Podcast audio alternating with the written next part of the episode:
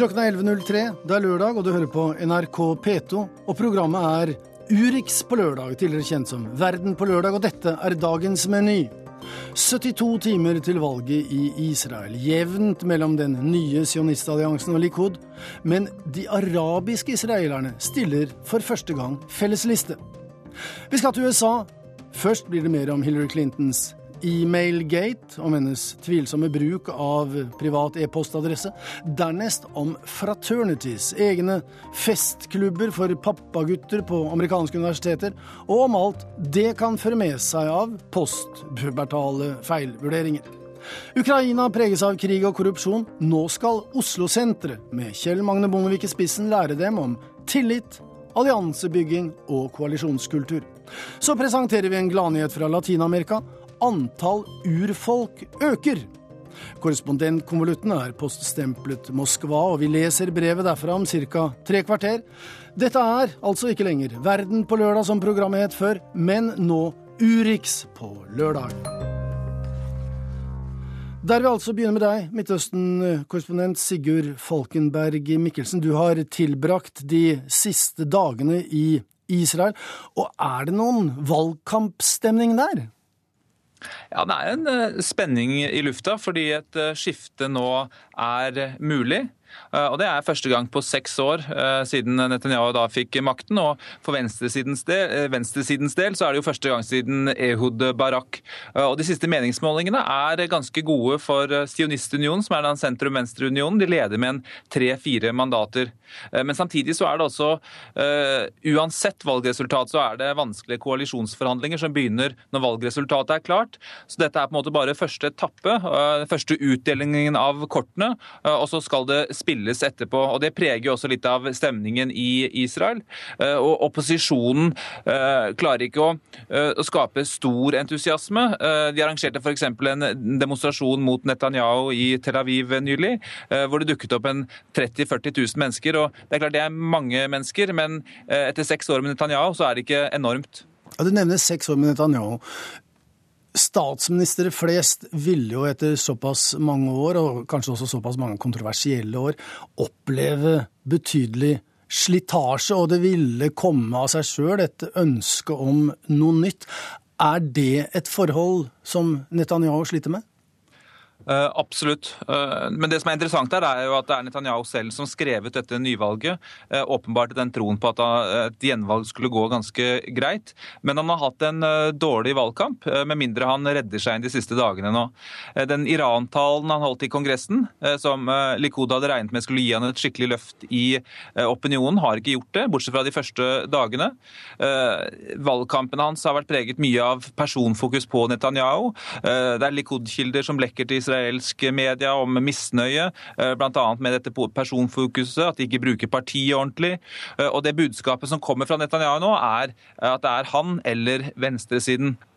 Men du sa det jo faktisk også selv. Eh, selv med et skifte i regjeringskontorene, så blir det ikke nødvendigvis store forskjeller i politikken? Nei, det er, ikke, det er, ikke, så lett å si hvordan dette kommer til å slå ut. Eh, for det første så er det langt fra sikkert at det blir et skifte. Muligheten er der. Eh, dernest så kommer det an på da sammensetningen av eh, Knesset. Det er Sionistunionen, som er en koalisjon mellom Arbeiderpartiet og leder Isak Herzog og tidligere utenriksminister Sipi Livni, som da leder an her har, Arbeiderpartiet har et, eh, om ikke et radikalt eh, program, så har de i hvert fall et program for å prøve å bedre på økonomiske situasjonen til vanlige folk, som er, eh, et av de viktige, som er det viktigste temaet for, for, vanlige israelere. Om de får til det, det avhenger av hvor tung sentrumsposisjonene blir i, i Knesset. Og det er også vanskelig, det vet vi fra alle land som er integrert i en global økonomi, at det er vanskelig med, med radikale omlegginger. Og så er det da spørsmålet som eh, omverdenen er spesielt opptatt av, nemlig forholdet til palestinerne og tostatsløsningen. Eh, og dette har ikke vært eh, debattert i noen særlig grad, eh, men det ligger der hele, hele, tiden som et slags passivt styrende element, og alle vet stort sett hvor de forskjellige partiene står. Og Herzog og Livni de går til valg på å trekke opp Israels endelige grenser. Men dit fram er det langt, og det betyr bl.a at de må finne en palestinsk selvstyremyndighet og få til en forhandlingsløsning der. Men de må også da legge seg ut med den mektige bosetterbevegelsen og høyresiden. Og om det er vilje eller ønske til å få til det, om de kommer til makten, det er ikke godt å si. I et historisk lys er det lite som taler for et eh, markert skifte, eller markant skifte, men noen av de unge aktivistene jeg traff på et eh, valgkampmøte for Herzog og Sionistunionen i Tel Aviv, de hadde troen.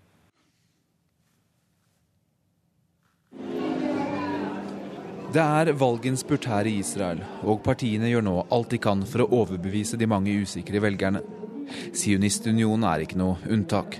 Det er en allianse mellom Arbeiderpartiet og tidligere utenriksminister Chipper Livni.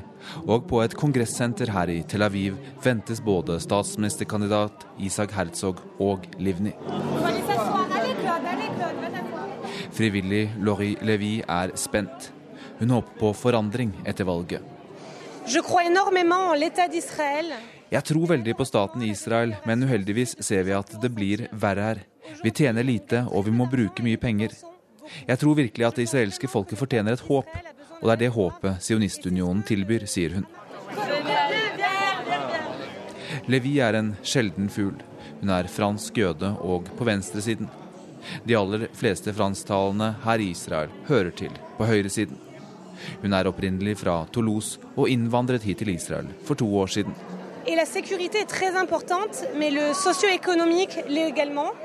Sikkerhet er selvfølgelig viktig, men det er sosiale og økonomiske spørsmål også. Og det er det jeg forsøker å få fram. Leiligheter, helse, dagligdagse ting som melk og brød har blitt veldig dyrt, fortsetter hun.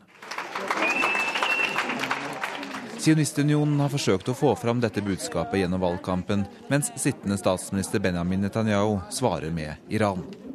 Så langt på meningsmålingene ligger Sionistunionen gjennomsnittlig et par mandater foran. På talerstolen gjentar Herzog sitt budskap om sosial forandring. Og får støtte av både Tzipi Livni og tidligere Arbeiderpartileder Amir Peretz. Men trass i ledelsen på meningsmålingene. Herzog har ennå ikke klart å overbevise om at han er skikket til å ta over ledelsen av landet. Han har ikke så mye troverdighet utover egne rekker. Og skulle de få flest mandater, får han fortsatt en vanskelig jobb med å danne en koalisjon. Men Laurie Levy, hun tror det går an. Euh, euh, det er absolutt mulig. Vi leder på meningsmålingene, og det er svært tett mellom oss og Likud. Derfor prøver vi å få fram til alle at vi har et solid program, og at vi vil ha forandring.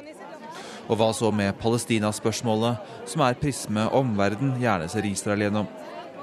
Det har ikke vært et stort valgkamptema, men Sionistunionen har programfestet at de vil trekke opp Israels endelige grenser. Og Levi tillater seg å være optimist. Euh, Kanskje er det å tro på en utopi, men jeg tror på fred. Jeg tror på to stater. Og jeg håper inderlig at hvis vi kommer til makten, så vil det skje.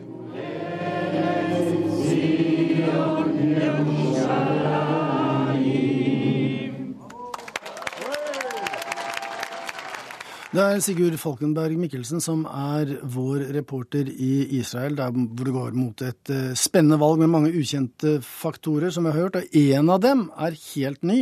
Det er arabiske småpartier som har slått seg sammen, uavhengig av politisk eller ideologisk grunnsyn, men for å få en felles palestinsk stemme i Knesset. Disse partiene har altså ikke-sionistiske, i motsetning til de jødiske israelske partiene. Og da har jeg fått eh, besøk i studio av kollega og tidligere Midtøsten-korrespondent Sissel Wold. Du har også vært i Israel og fulgt valgkampen der, og du har eh, spesifikt sett på denne arabiske listen. Hva er det som skjer nå med denne felleslisten, denne alliansen? Ja, Tilblivelsen er jo veldig interessant, fordi at uh, utenriksminister Avigdor Liebermann, som ikke vil ha arabere i Israel, han uh, fikk gjennom en ny lov i Knesset om at sperregrensen ble satt opp fra 2,0% til 3,25, for da regnet han med at de arabiske småpartiene ville falle ut av Knesset. Men så samlet de seg, sånn at nå er de arabiske partiene blitt eh, den tredje største blokken. Partiet til, som stiller til valg nå. Så de ligger an til 13. De håper på 15 plasser i Knesset av 120. Dette er en underlig blanding, fordi at det er blanding av arabiske nasjonalister, det er kommunister og sosialister, og så er det islamister. Israel har en islamistbevegelse, men den er splittet fordi at Nordalliansen de vil ikke delta i valget i Israel, de boikotter valgene. Men sørflanken av islamistene de er med i valg, og de er også med her. Så det store spørsmålet er jo om de greier å komme inn med i Knesset med 15 mandater, som de håper, og om de da greier å holde sammen. Om de fortsetter å være enige også etter at de har vunnet et valg. For Med en slik oppslutning så kan det jo da bli en maktfaktor. Du sier at det er imponerende bare at de har klart å samle seg, men, men har de da også klart å samle seg om noen eh, politisk eh, profil? Sakene, står de, klarer de å stå sammen om dem? Det som er viktig, er at de kjemper mot rasisme mot arabere. Det er veldig mye rasisme i Israel mot Israels arabiske befolkning. Og i Israel så er det 75% av befolkningen som er jøder. Og rundt 20, par og 20% er palestinske arabere, som da ikke ble fordrevet eh, etter 1948. Eh, så de er opptatt av det. De er opptatt av mer arbeidsplasser for araberne. Og så har du lederen av dette partiet, Hadash, da, som er kommunistene, mykkommunister. De er jo for at kvinner i de arabiske samfunnene skal ut og jobbe mer. Mens islamistene der er ikke sikkert at de er like interessert i det. Så det er jo en sak som de er uenige om, eh, f.eks. Men altså, araberne, til tross for at de utgjør da en stor minoritet, de har eksistert på yttersiden av det politiske livet. De har aldri sittet i, i regjering eller vært i, i posisjon. Uh, man kan jo skjønne det, men, men men hvorfor tas de ikke med i si, den israelske storfamilien rent politisk? Dette er et tabu, for det er ingen sionistiske partier som egentlig har veldig lyst til å jobbe med arabiske partier i regjeringen. Men det går den andre veien også. For jeg har snakket med et par av de arabiske kandidatene, og de sier jo veldig klart at vi kan ikke sitte i en israelsk, jødisk, sionistisk eh, regjering som bevilger penger til bosettingene. Fordi at vi er tross alt palestinere også. Og bosettingene ødelegger veldig mye for eh, muligheten for en palestinsk stat. Og vi vil ikke sitte i en regjering som vedtar å bombe Gaza. Så dette går begge veier. Men de er en femtedel av befolkningen, og det er veldig viktig at de sitter i Knesset. For hvis araberne ikke er representert i Knesset, så kan jo ikke Israel kalle seg et ordentlig demokrati demokrati for alle innbyggerne.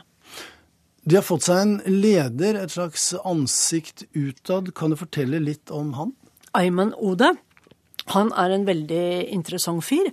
Han er fra Haifa. Han er utdannet jurist. Han snakker veldig forsonende.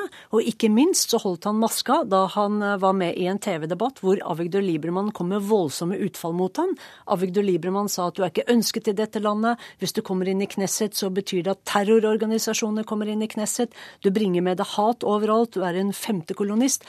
Og Ayman Ode satt helt rolig og tok imot denne bøtta på direkten og sa at jeg er ønsket i landet, jeg ønsker å samarbeide. Og han ønsker også å velger, eh, å, å fange velger fra den israelske befolkningen som er altså misrahim. Det er jøder som kommer fra de arabiske landene, som også er fattige. Som også eh, lever under fattigdomsgrensen, veldig mange samme som araberne. Så det er et parti også for fattige israelere, jøder som arabere. Helt kort til slutt, Sisselvold. Eh, meningsmålingene, hvordan ligger dette partiet an? Det ligger an til å få 13 mandater av 120 i Knesset. De håper å få 15. Da sier vi takk til Sisselvold i denne omgang. Det er altså valg på tirsdag. Vi kommer etter alt å dømme til å høre mer fra deg, men også mer om valgresultat og utfall.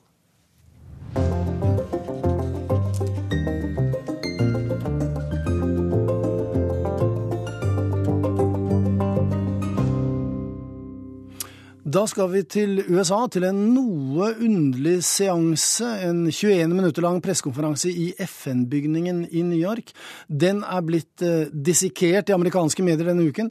Eh, det dreier seg altså om eh, en, eh, et møte med pressen der Hillary Clinton til slutt måtte krype til korset og forklare hvorfor hun brukte en privat e-postadresse da hun var utenriksminister. Men vi skal høre at det var en Bisk, etter alt av det med kommende presidentkandidat, som møtte dem hun kanskje avskyr aller mest i sitt kjære hjemland, nemlig de politiske journalistene.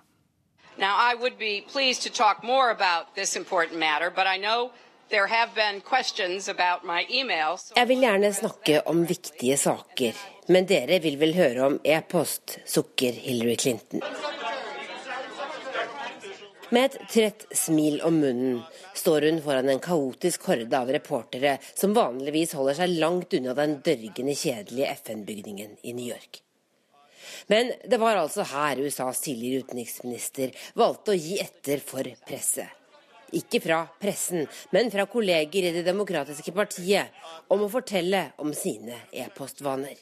I believe I have met all of my responsibilities, and um, will remain uh, private. So that was Hillary Clinton responding to a question from our own Andrea Mitchell yesterday. I dagene etter har innholdet i de 21 minuttene hun snakket, blitt plukket i småbiter av pressekorpset. Nettavisen The Politico har gått kanskje aller lengst. Sjefredaktør John Harris hevder Hillary Clinton hadde ett eneste og veldig enkelt budskap til journalistene på tirsdag. Dra til helvete.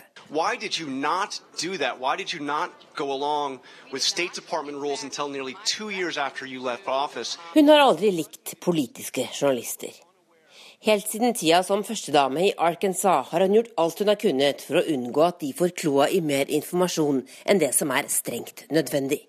Det gjaldt også i Det hvite hus da eiendomsselskapet Whitewater hun og mannen hadde investert i, skulle etterforskes. Clintons don't think they live by the same rules that everybody else lives by. This is such a flashback to the 1990s. And you know why it is? Because they yeah, live by their own rules. De mener regler som gjelder for andre, ikke gjelder for dem, sier Joe Scarborough, programleder for MSNBCs politiske frokost-TV Morning Joe. Den siste uka har programmer som hans også diskutert pengene Clinton-familiens stiftelse har fått fra myndighetene i Saudi-Arabia og Emiratene, land som ikke er like opptatt av kvinners rettigheter som Hillary Clinton er. Uh, uh, og I samme slengen har de også diskutert at ingen annen tidligere amerikansk president mottar så mye av skattebetalernes penger fortsatt som Bill Clinton. Men det var pressekonferansen om e-post dette skulle handle om. End,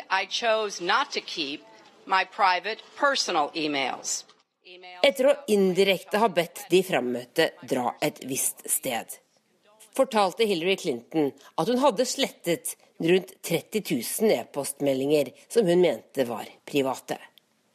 Og så sa hun noe som var direkte feil. The vast majority of my work emails went to government employees at their government addresses, which meant they were captured and preserved immediately on the system at the State Department. Mesteparten av e-postene jeg sendte gikk til offentlige ansatte. Og det betyr at de ble lagret for ettertida på Utenriksdepartementets servere, sa den tidligere utenriksministeren.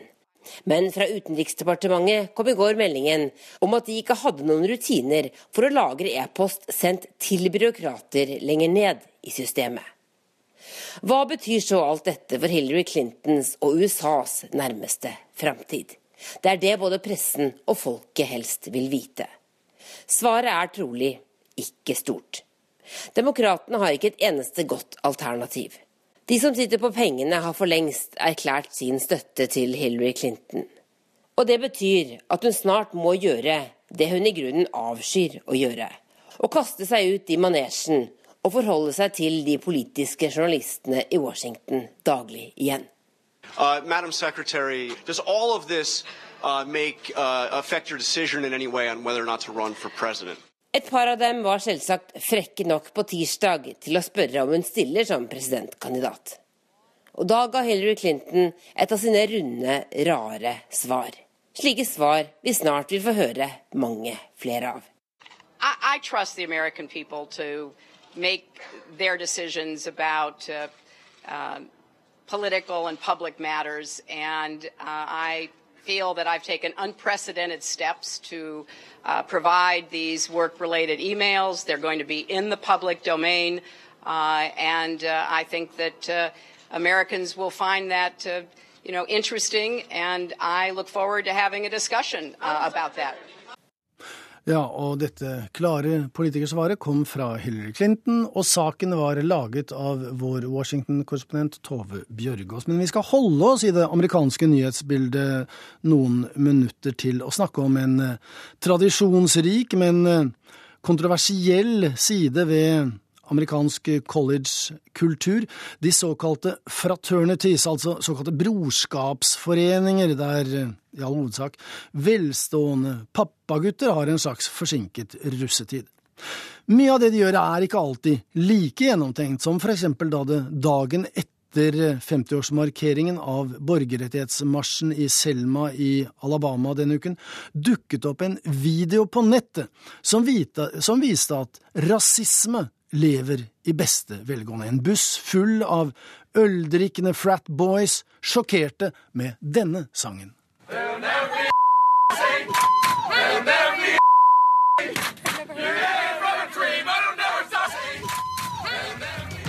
You are looking at shocking video purportedly of members of a fraternity at the University of Oklahoma.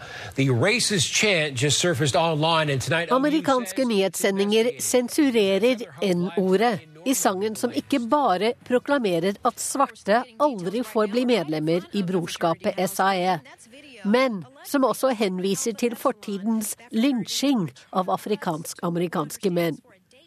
You can hang em from a tree, jubler de hvite guttene på bussen. Her er den usensurerte versjonen. They'll never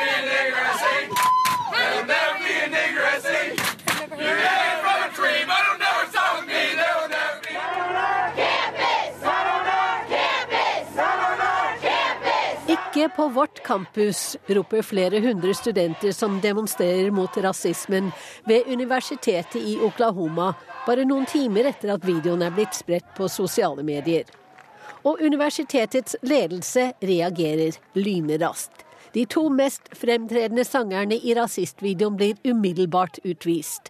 Skolen kutter alle bånd til den lokale avdelingen av brorskapet SAE, og stenger huset der deres medlemmer bor. College-guttene får ett døgn på seg til å pakke sammen sakene sine og flytte ut. Slik oppførsel tolererer vi ikke, sier universitetets president David Bourne. This is not our way. These are not our values. This is not who we are, and we won't tolerate it. Not for one minute from anybody. So those students will be will be out of that house by midnight tomorrow night. The house will be closed. And uh, as far as I'm concerned, it won't be back, at least not while I'm president of the university. It's not going to come back.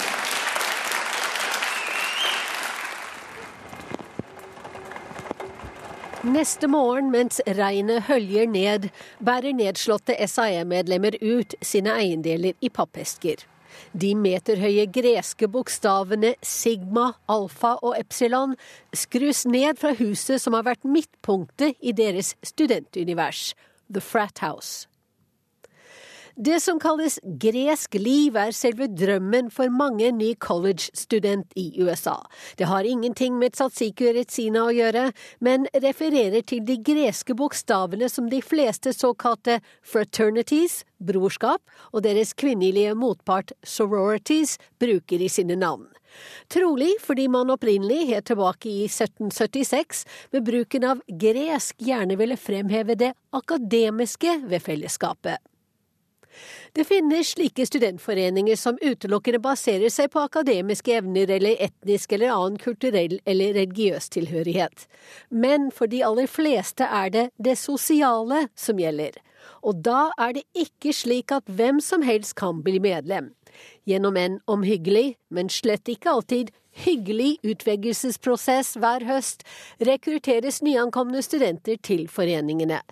Helst noen som har de samme meningene, den samme bakgrunnen, noen som passer inn med de andre. Bror- eller søsterskapet forsterkes av at de bor i samme hus, gjerne en gammel villa på universitetsområdet. En av åtte som går på fireårig college, gjør det.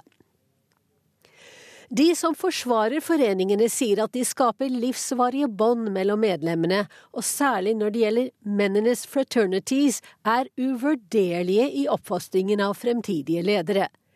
Et forbløffende stort antall næringslivsledere, kongresspolitikere og amerikanske presidenter har tilhørt slike foreninger, skriver tidsskriftet The Atlantic. De som kritiserer dem, kaller dem elitepreget og ekskluderende ofte også farlige for både seg selv og andre når pappagutter som er overbevist om sin egen fortreffelighet, heller i seg over stadige mengder øl. Well, fraternity at Duke University is suspended this morning. It stems from rape allegations at an Alpha Delta Phi fraternity party earlier this month. I januar ble en brorskapsforening ved Duke-universitetet i Nord-Carolina suspendert etter en voldtektsanklage. En kvinnelig student som festet med dem, fortalte at hun ble dopet ned, og våknet neste morgen uten truse og bh. This new allegation comes amid a string of similar incidents on college campuses. On Monday, two fraternities Men det var bare den foreløpig siste av en rekke slike anklager mot såkalte fraternities, melder CBS News, som har intervjuet en forsvarsadvokat som bekrefter at slike hendelser kan skade universitetene det gjelder. If you remove my lawyer hat and you put my father hat on, I'm not sending my daughter to a school with a reputation as being a rape university. Ryktet til hele systemet med brorskapsforeninger står på spill når de stadig skaper overskrifter med voldtekter, slåsskamper og rasisme. Derfor støtter også det nasjonale hovedkvarteret til Sigma Alfa Epsilon beslutningen om å stenge lokalforeningen ute av videre aktivitet ved universitetet i Oklahoma. Man kan bare ikke tolerere uakseptabel oppførsel, sier talsmannen Brandon Weghorst. More importantly, there has to be an understanding and a lesson that people are responsible for the consequences of their actions.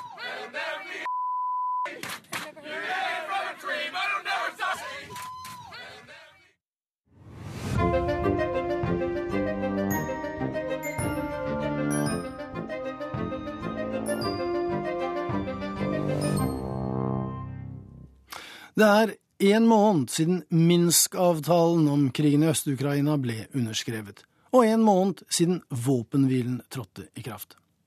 Russland, Ukraina og de prorussiske opprørerne var alle med i forhandlingene i Minsk, men det har vært flere brudd på våpenhvilen, og det er også usikkerhet om de andre punktene i avtalen.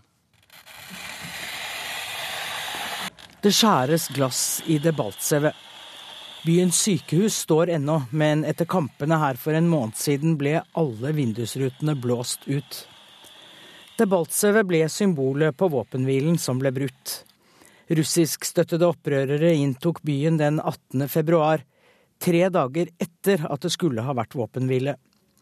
Aleksandr Afendikov ble utpekt til ny ordfører. Э,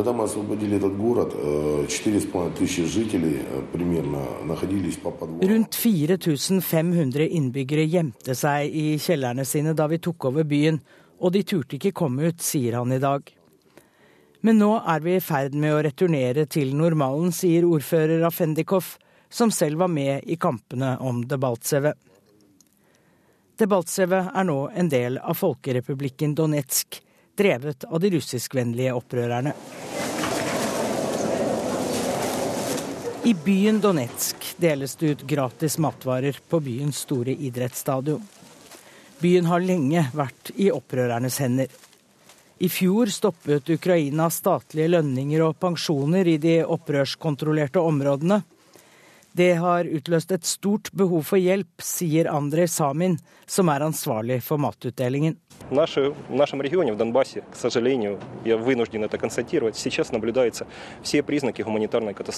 Her i Donbas-regionen øst i Ukraina opplever vi nå en humanitær katastrofe, og vi gjør det vi kan for at folk skal overleve, sier Andrej Samin, som deler ut gratis mat. Ukraina, det som er igjen av landet, er på randen av konkurs. Krigen har kostet. Men IMF, Det internasjonale pengefondet, har nå vedtatt en hjelpepakke med lån til Ukraina på over 140 milliarder kroner, forteller IMF-sjefen Christine Lagarde. That will provide additional financing for four years and hopefully help that country uh, restore its situation, provided that stability. Disse pengene kan de neste fire årene hjelpe Ukraina på bena igjen, forutsatt at Minsk-avtalen virker og at ro og orden gjenopprettes i landet, sier IMF-sjefen Christine Lagarde. Minsk-avtalen inneholder ikke bare løftet om våpenhvile. Den krever også utveksling av fanger mellom Ukraina og opprørerne, og ikke minst tilbaketrekking av tunge våpen fra frontlinjen. Målet er å skape en buffersone. Fangeutveksling har det vært, og ukrainerne hevder også at de har trukket tilbake tunge våpen. Natos øverstkommanderende i Europa sier at også russiske soldater og våpen beveger seg. We have seen some movement of the heavy weapons and some of the troops that were near the line of contact. We are unable at this point to understand where they've moved. Have they moved back across the Russian border? Have they moved to other places? Vi vet ikke hvor russiske soldater og våpen er, sier general Philip Breedlow. Er de tilbake i Russland, eller er de blitt flyttet andre steder? Det er vanskelig å vite nøyaktig, sier general Breedlow. Natos øverstkommanderende i Europa. Nato krever at russerne nå trekker seg tilbake og respekterer Minsk-avtalen, sier generalsekretær Jens Stoltenberg, som også understreker behovet for at observatørene fra OSSE, Organisasjonen for sikkerhet og samarbeid i Europa, får fri tilgang. OSCE uh, needs to have full access uh, to both the border, but also the OSSE-observatørene må ha full bevegelsesfrihet i grenseområdene og i alle andre omstridte områder, sier Nato-generalsekretæren. I dag er det 452 observatører i Øst-Ukraina, men medlemslandene i OSSE, også Russland, mener dette tallet bør dobles, litt avhengig av hvordan det går i ukene fremover. Akkurat nå er det roligere i Øst-Ukraina, og det har vært færre kamper den siste tiden. Men våpenhvilen er skjør, og det er betydelig mistillit mellom partene. I landsbyen Tsjermalik leker guttungene krig. Men det er ikke lek. På avstand kan man høre de virkelige kampene, som foregår ikke langt unna. Dette er en landsby der den ukrainske hæren har kontroll, så småungene vet hvem fienden er. Vi leker krig, og det er oss mot opprørerne, sier lille Jora Carmen. Akkurat slik barna sier det i opprørskontrollerte områder, bare med motsatt fortegn. Og lille ukrainske Jura er klar i konklusjonen. Når de skyter på oss, da skyter vi tilbake.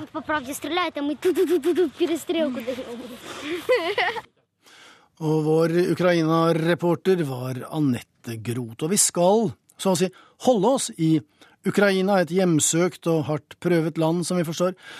Men nå skal Oslo-senteret, med undertittel For fred og menneskerettigheter, for første gang gå inn som rådgiver i en demokratiseringsprosess i Europa. Det er representanter for de fem partiene som i dag danner en sprikende regjeringskoalisjon i Kiev, som har bedt dere om hjelp. Og Kjell Magne Bondevik, velkommen i studio. Du er nettopp kommet hjem fra Ukraina. Hva er det dere kan eh, bidra med? Vi bidrar på bakgrunn av vår erfaring med rett og slett å gi ganske konkrete, praktiske råd om hvordan du skal få en regjeringskoalisjon til å fungere. For de har jo liten eller ingen erfaring med det. De hadde valg seint i fjor. Nå sitter det fem partier. De er ikke vant med å samarbeide. Eh, vi i Norge har lange tradisjoner for det. Så vi snakker med dem om hvordan bygger du opp gode relasjoner mellom statsråder så ikke de bare blir eh, ministre som slåss for sine saker, men blir et team, et fellesskap. Snakker du nå faglig eller menneskelig, eller begge deler? Begge deler. Mest menneskelig, faktisk. Fordi at eh, det er viktig at disse statsrådene eh, føler at de er på samme lag. Og da kan det dreie seg om å anbefale helt konkrete ting som regjeringslunsjer før et regjeringsmøte et par middager i året med ektefeller. De skal lære hverandre å kjenne. En kaffekopp sammen av og til, og ikke bare sitte i formelle møter med vedtak og protokoller. Det dreier seg også om arbeidet mellom disse fem koalisjonspartiene i parlamentet, og det var de vi denne gangen snakka mest med. Fordi har ikke hatt så mye med hverandre å gjøre, men nå skal det være samme koalisjon, egentlig føre samme politikk. Da må vi snakke om hvordan koordinerer de seg, hvordan forankrer de beslutninger i alle partiene, så ikke de får interne opprør, f.eks. Eh, og vi snakka med partier som ikke er i koalisjon, eh, og som er i opposisjon. Eh, og det er bl.a. en del unge, og ikke minst kvinnelige politikere, som er opptatt av å bekjempe et hovedproblem i Ukraina i dag, nemlig korrupsjon. Men tilbake til eh, dette å sitte sammen og, og snakke sammen. Eh, hvis det er mye skepsis i utgangspunktet, hvordan kan da dere fra Oslo-senteret i løpet av noen timer få overbevist dem om at denne nedarvede motsetningen faktisk står i veien for demokratiet? Altså Man skulle tro at mistilliten sitter dypt. Ja, øh, men så derfor er tillitsskapende arbeid punkt nummer én. Hvis ikke en har tillit til hverandre, så vil et samarbeid og en koalisjon før eller siden rakne. Så det legger vi veldig vekt på. Og vi brakte jo politikere på tvers av disse partigrensene sammen, bl.a. på en middag. Og det var jo en av lederne som sa det at ja, det at å greide å samle alle disse fem koalisjonspartiene rundt et middagsbord, var en prestasjon i seg sjøl. Eh, og der hadde vi en myk atmosfære. Snakka også om andre ting enn politikk. Og de var positive og begeistra for dette. Så vi har tenkt å fortsette å bidra til dette tillitsskapende arbeidet. Neste sted kan kanskje være, hvis vi får finansiert det, å få en delegasjon av slike politikere til Norge, som vi med hell har gjort tidligere med politikere fra både Kenya og Somalia. Og hvor de etterpå fortalte at vi ble virkelig sammensveisa på denne turen. For ved siden av å sitte i møter i Stortinget og på partikontor og i Norsk utenriksdepartement og Oslo-senteret, ja, så lærte vi hverandre å kjenne som mennesker når vi reiste sammen og hadde måltider sammen. Du har jo erfaring, du har vært både utenriksminister og statsminister i koalisjonsregjeringer. Når du kommer til Ukraina, gir det deg økt troverdighet og gjennomslagskraft at du vet hva du snakker om? Det gjør det nok. De kjenner min bakgrunn når de kommer. De vet at jeg har vært partileder, vært parlamentarisk leder i Stortinget og drevet koalisjonsarbeid der, og sittet i fire regjeringer, statsminister for to av dem. Så jeg har litt greie på akkurat det med koalisjonsarbeid. Og det er klart at det gjør nok at de, eh, de lytter, og vi fikk veldig positive tilbakemeldinger. Men hva da med partier som ikke er med i koalisjonen, eller sågar partier som nå ikke engang er med i nasjonsbyggingen? Ja, vi møtte representanter for eh, to slike, som endog ikke har blitt valgt inn i parlamentet. De var prega av unge, entusiastiske, visjonære politikere, og mange av de kvinner. Uh, og de var jo i ganske mye opposisjon til hele politiske systemet, for de mener det er prega mye av korrupsjon, og det er det. Eh, så jeg syns det var lovende at det er slike unge politikere nå på vei opp og fram, og jeg tror de kommer til å komme inn i parlamentet. Vi møtte også en annen interessant gruppering som kalte seg Europaoptimistene. Det er en gruppe i, tverrpolitisk gruppe i parlamentet. Det var også mye unge eh, entusiastiske politikere. Og de er jo opptatt av å bruke den avtalen Ukraina da endelig fikk med EU, og videreutvikle den, kanskje en dag fram mot medlemskap både i EU og, og Nato. Så det er positive krefter på gang, men eh, det er klart Ukraina er veldig ustabilt, og Russland ved siden av å bidra til krigføringen i øst, som de utvilsomt gjør, så bidrar de nok også til en destabilisering av det politiske systemet. Og mange mener at penger brukes i det arbeidet. Og det var de kanskje vel så mye opptatt av som faren for eh, en ytterligere russisk invasjon. Slik at den ytre trusselen i form av krig er nesten mindre enn den indre faren i form av korrupsjon? Ja, på kort sikt eh, er den det. For de fleste tror vel ikke at Putin tross alt, når det kommer til stykket, våger å begynne å gå stadig lengre vestover i Ukraina med sine styrker. Skjønt det var noen som sa at de kan stå i Kiev i morgen. Vi vet ikke. Og en oppsummerte det slik. Vi har to hovedproblemer. Krig og korrupsjon. Eh, begge må bekjempes. Da sier vi takk til deg, Kjell Magne Bondevik, og lykke til med demokratiseringsprosessen i Ukraina.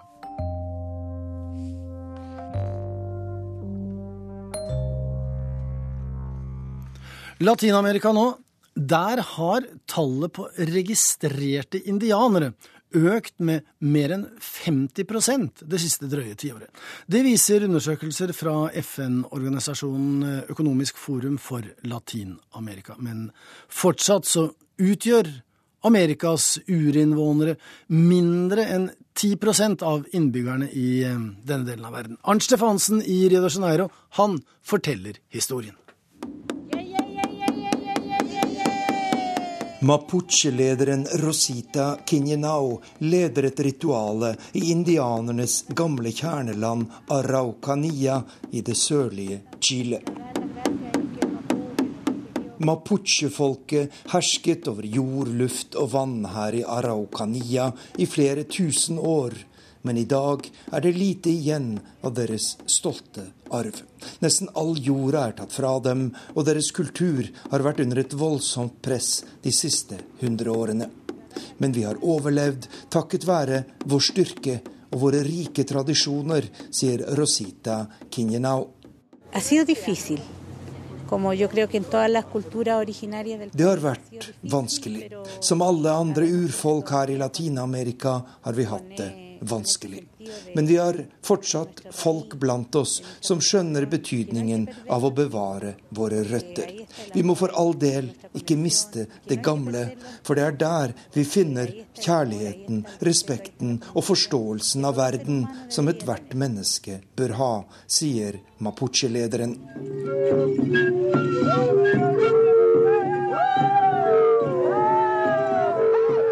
Utryddelsen av Latin-Amerikas urfolk er et av de verste folkemord i historien.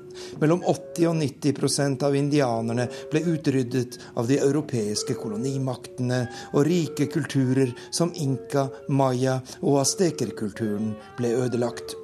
Chiles nasjonaldikter Pablo Neruda har skildret dramaet da den spanske conquistadoren Francisco Pizarro og hans menn angrep Inkariket og tok kongen Atahuelpa til fange.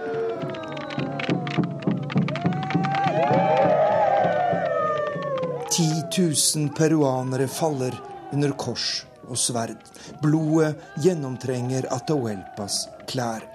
Pizarro det grusomme svinet fra Extremadura lar inkaens spinkle armer binde. Natten senker seg over Peru som en svart glo, skriver nobelprisvinneren Neruda i sitt hovedverk 'Canto General', på norsk 'Den store sangen'. Ciao. Selv om indianernes historie de siste hundre årene har vært en dyp tragedie, så er det nå enkelte lyspunkter.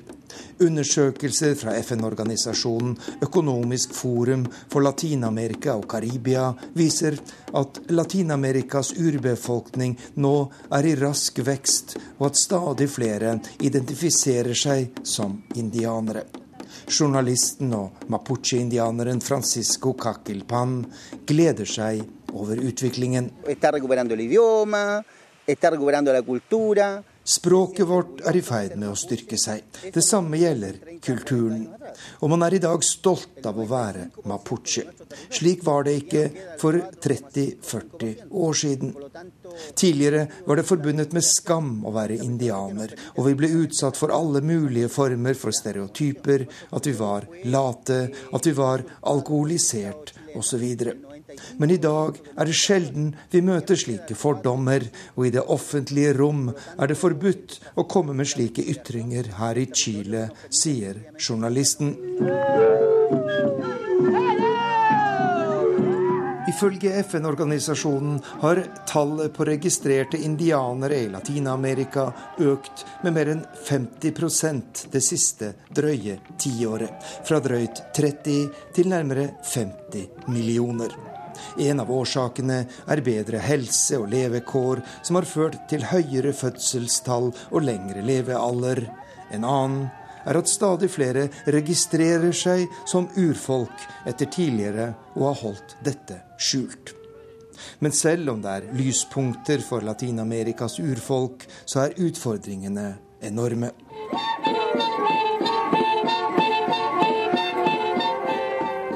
Unge mapuche-indianere demonstrerer i gatene i Chiles hovedstad Santiago. De krever retten til sine forfedres jord, kulturell anerkjennelse og bedre beskyttelse fra den chilenske staten. En av de store utfordringene for urfolket i Latin-Amerika er at oljeselskaper og andre økonomiske interesser presser på for å utnytte naturressursene i områder der indianerne bor. Nuestro territorio fue eh, usurpado por el Estado chileno Vårt territorium ble ranet fra oss av den chilenske staten, sier journalisten og mapuche-indianeren Francisco Caquilpan. De tok fra oss 95% av jorda vår, og det gjør at vi er svært sårbare overfor kapitalinteresser som kun ser jord, skog og vann som en mulighet til profitt. Utfordringen for oss er derfor å få tilbake så mye jord at vi kan utvikle oss som samfunn og nasjon, sier han.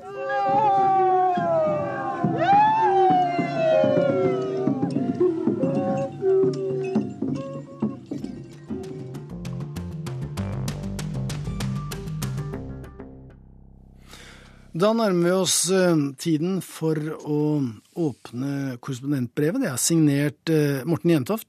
Det er postlagt eh, i Moskva, en by som fremstår med mange ansikter, og flere av dem er ifølge vår korrespondent vennlige. I mitt siste korrespondentbrev skrevet like etter nyttår tok jeg dere med nedover den nyrenoverte Pjatnitskaja-gaten, ikke langt herfra hvor jeg bor, litt sør i sentrum av Moskva. Det var mange som satte pris på å høre noe litt annerledes og positivt her østfra, i en tid som er preget av krig og isfront mellom øst og vest. Noen uker seinere hadde jeg noen venner fra Norge på besøk, og selvfølgelig ville jeg vise dem nettopp dette hyggelige området av den russiske hovedstaden, med gågater, kafeer og restauranter. Dessuten er Pjatnitskaja en direkte innfallsport til det sentrale Moskva. Gaten fortsetter nesten direkte over Moskvaelven til Den røde plass, over den store Maskvaretskbroen, der du har fantastisk utsikt mot Kremlborgen med alle sine løkkupler. Men neste gang jeg gikk over denne broen, var det ikke for å vise gjester det imponerende sentrumet av Moskva. Det virker som selv mine forsøk på å løfte opp en positiv side med livet her øst brutalt blir skutt ned. Som Boris Nemtsov ble det nettopp her på Maskvaretskbroen klokken 23.31 natt til 28. februar. Alle slike brutale drap på kjente personer gjør noe med en. Men det blir likevel helt annerledes når det skjer så nært, ja nesten i nabolaget. Selv fikk jeg høre om drapet da jeg skulle gå og legge meg denne fredagskvelden, og som vanlig slo på radioen for å få med de siste nyhetene fra radiostasjonen Ekko Moskvi, eller på norsk Moskvas Ekko og et raskt søk på internett gjorde at jeg noen minutter seinere kunne rapportere på direkten i Kveldsnytt at den kjente opposisjonspolitikeren Boris Nemtsov virkelig var skutt på åpen gate i sentrum av Moskva. Da jeg under tolv timer seinere kom til drapsstedet, var det en underlig stemning som møtte meg. Det var som om mange av dem som kom med sine blomster, ikke helt hadde tatt inn over seg at en av landets mest kjente opposisjonspolitikere var drept rett utenfor murene av Kreml, maktens midte i det veldige Russland. Var det virkelig planlagt at drapet skulle skje akkurat her, og ikke i en mørk bakgård eller i en heis, noe som ofte er vanlig med bestilte drap utført av leiemordere? Sammen med fotograf Jodi Linkevius så jeg meg rundt for å se hvor de nærmeste overvåkingskameraene var. Dette området må være et av de mest bevoktede i Russland, med politi på hvert gatehjørne og representanter for de hemmelige tjenester i sivil, som raskt griper inn hvis du viser det minste tegn på å foreta deg noe ulovlig. Men vi fikk snart vite at de store kameraene som er montert oppe på murene av Kreml, var ute av drift pga. vedlikehold, og at det hadde tatt hele tolv minutter før den første politibilen hadde kommet fram til drapsstedet. Da hadde selvfølgelig morderen og hans medhjelpere hatt et hav av tid å stikke seg vekk i storbyjungelens Moskva. Mange av de som jeg traff denne lørdagen på Maskvaretskbroen, sa at de heller ikke trodde at dette drapet kom noen gang til å bli oppklart. Jeg så at mange av dem hadde et slags resignert uttrykk i ansiktet. Hvor går Russland videre nå? Bosnemsov hadde mange fiender. Frittalende og ofte arrogant som han var, helt fra han trådde inn på den politiske arena på begynnelsen av 1990-tallet. Den talentfulle fysikeren fra Gorki, byen som blant annet takket være ham fikk tilbake sitt gamle russiske navn Nizjnij Novgorod. For utenlandske korrespondenter ble han en yndling.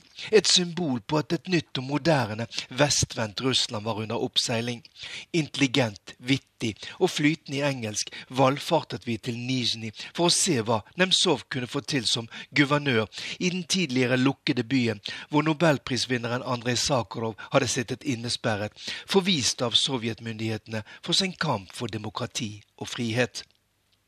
Så trådte Boris Nemtsov inn på den sentrale politiske arena i Russland, som visestatsminister under den da allerede sykelige og svake president Boris Jeltsin. Det lignet på et politisk selvmord, og Nemtsov forsvant da også hodestups ut av maktens korridorer, samtidig som den russiske økonomien kollapset i august 1998. For mange russere ble han et symbol på alt som gikk galt i det nye og demokratiske Russland, selv om alle visste at det knapt var mange veier utenom en smertefull omforming av et samfunn som var fullstendig skakkjørt under tiår med militarisert, planstyrt sovjetøkonomi. Etter noen år som markant opposisjonspolitiker i det russiske parlamentet Dumaen havnet Boris Nemtsov ute på sidelinjen av russisk politikk. Folk var lei av Nemtsov og liberalernes eksperimenter, og Vladimir Putins suverene demokrati tok fullstendig kontroll over russisk samfunnsliv, også de store TV-kanalene. Men Boris Nemtsov var der hele tiden og ga aldri opp, selv om det i perioder nok var slik at han var mer å si utenlandske TV-kanaler enn russiske. Han fortsatte sin kritikk mot det han kalte et stadig mer udemokratisk styre fra president Vladimir Putin, ofte med en gammeldags megafon i hånden, og de senere år også i direkte sammenstøt med politiet. Bildene av Nemtsov som ble forsøkt revet ned fra en talerstol, er blitt et slags symbol på hans og den russiske opposisjonens kamp mot et stadig mer overlegent og autoritært maktapparat. Jeg møtte Boris Nemtsov noen ganger, og han utstrålte alltid en slags optimistisk urkraft, som om ingenting kunne stoppe ham. Jeg visste at han var kjent som en damenes venn, og at han hadde barn med flere kvinner, noe som ofte ble trukket fram av den stadig mer ensrettede og statskontrollerte russiske pressen. Selv ikke hans kone vil lenger stemme på Nemtsov, ble det sagt i en periode, i et forsøk på å diskreditere en mann som politisk lå nede.